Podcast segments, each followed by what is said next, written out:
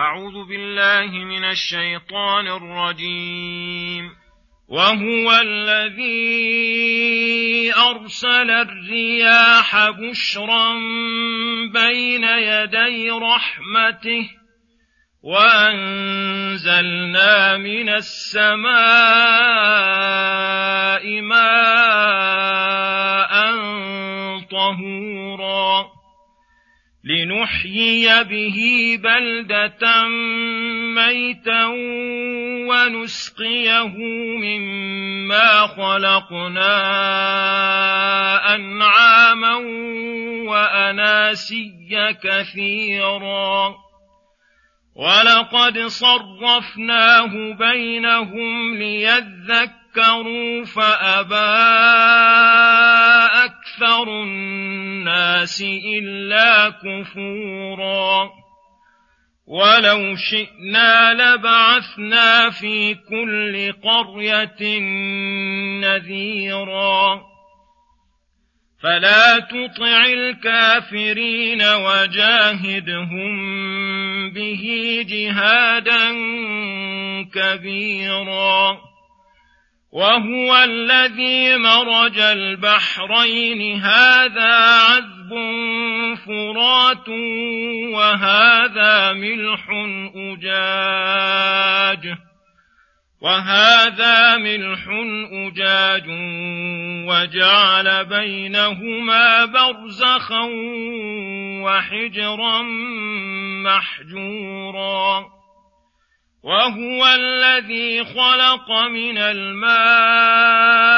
بشرا فجعله نسبا وصهرا وكان ربك قديرا ويعبدون من دون الله ما لا ينفعهم ولا يضرهم وكان الكافر على ربه ظهيرا.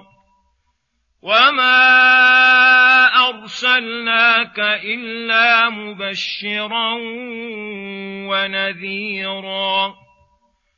قل ما أسألكم عليه من أجر إلا من شاء أن يتخذ إلى ربه سبيلا. بسم الله الرحمن الرحيم. السلام عليكم ورحمة الله وبركاته. يقول الله سبحانه وهو الذي أرسل الرياح بشرا بين يدي رحمته وأنزلنا من السماء ماء طهورا. أي هو وحده الذي رحم عباده وأدر عليهم رزقه بأن أرسل الرياح مبشرات بين يدي رحمته وهو المطر فثار بها السحاب وتألف وصار كسفا وألقحته وأدرته بإذن ربها المتصرف فيها ليقع استبشار العباد بالمطر قبل نزوله وليستعدوا له قبل أن يفجأهم دفعة واحدة. وأنزلنا من السماء ماء طهورا يطهر من الحدث والخبث ويطهر من الغش والأدناس وفيه بركة من بركته أنه أنزل ليح أنه أنزله ليحيي به بلدة ميتا. فتختلف أصناف النباتات والأشجار فيها مما يأكل الناس والأنعام. ونسقيه مما خلقنا أنعاما وأناسيا كثيرا. أي نسقيكموه أنتم وأنعامكم. أليس الذي أرسل الرياح المبشرات وجعلها في عملها متنوعات وأنزل من السماء ماء طهورا مباركا فيه رزق العباد ورزق بهائمهم هو الذي يستحق أن يعبد وحده ولا يشرك معه أحد غيره. ولما ذكر تعالى هذه الآيات العيانية المشاهدة وصرفها للعباد ليعرفوه ويشكروه ويذكروه مع ذلك فأبى أكثر الخلق إلا كفورا لفساد أخلاقهم وطبائعهم. ثم يقول سبحانه ولو شئنا لبعثنا في كل قرية نذير الآيات يخبر تعالى عن نفوذ مشيئته وأنه لو شاء لبعث في كل قرية نذيرا أي رسولا ينذرهم ويحذرهم فمشيئته غير قاصرة عن ذلك. ولكن اقتضت حكمته ورحمته بك وبالعباد يا محمد أن أرسلك إلى جميعهم أحمرهم وأسودهم عربيهم وعجميهم إنسهم وجنهم فلا تطع الكافرين في ترك شيء مما أرسلت به. بل ابذل جهدك في تبليغ ما أرسلت به. وجاهدهم بالقرآن جهادا كبيرا أي لا تبقي من مجهودك في نصر الحق وقمع الباطل إلا بذلته. ولو رأيت منهم من التكذيب والجراءة ما رأيت فابذل جهدك واستفرغ وسعك ولا تيأس من هدايتهم ولا تترك إبلاغهم لأهوائهم. ثم يقول سبحانه وهو الذي مرج البحرين الآيات أي هو وحده الذي مرج البحرين يلتقيان البحر العذب وهي الأنهار السارحة على وجه الأرض والبحر الملح وجعل منفعة كل واحد منهما مصلحة للعباد. وجعل بينهما برزخا أي حاجزا يحجز من اختلاط أحدهما بالآخر فتذهب المنفعة المقصودة منها. وحجرا محجورا أي حاجزا حصينا. ثم يقول سبحانه وهو الذي خلق من الماء بشرا فجعله نسبا وصهرا وكان ربك قديرا.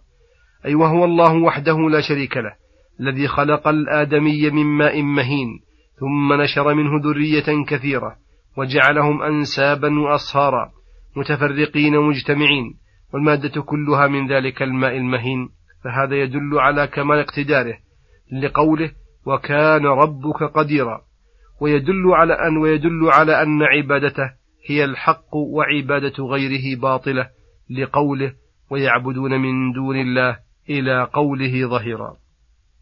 أي يعبدون أصناما وأمواتا لا تضر ولا تنفع ويجعلونها أندادا لمالك النفع والضر والعطاء والمنع مع أن الواجب عليهم أن يكونوا مقتدين بإرشادة ربهم ذابين عن دينه ولكنهم عكسوا القضية وكان الكافر على ربه ظهيرا. فالباطل الذي هو الأوثان والأنداد أعداء لله.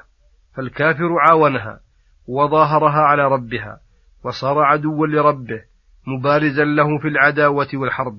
وهذا وهو الذي خلقه ورزقه وأنعم عليه بالنعم الظاهرة والباطنة. وليس يخرج عن ملكه وسلطانه وقبضته والله لا يق... لم يقطع عنه إحسانه وبره. وهو بجهله مستمر على هذه المعاداة المبارزة.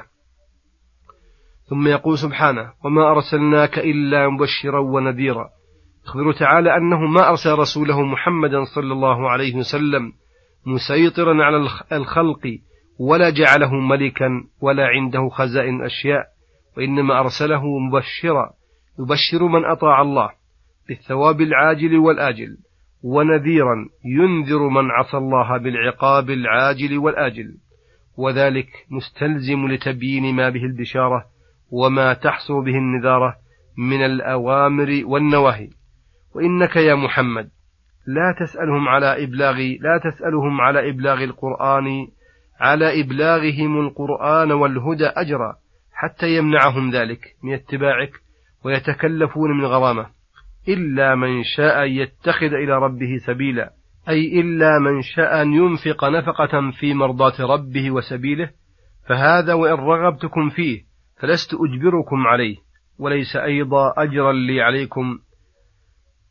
وإنما هو راجع لمصلحتكم وسلوككم للسبيل الموصلة إلى ربكم وصلى الله وسلم على نبينا محمد وعلى آله وصحبه أجمعين. إلى الحلقة القادمة غدا إن شاء الله. والسلام عليكم ورحمة الله وبركاته.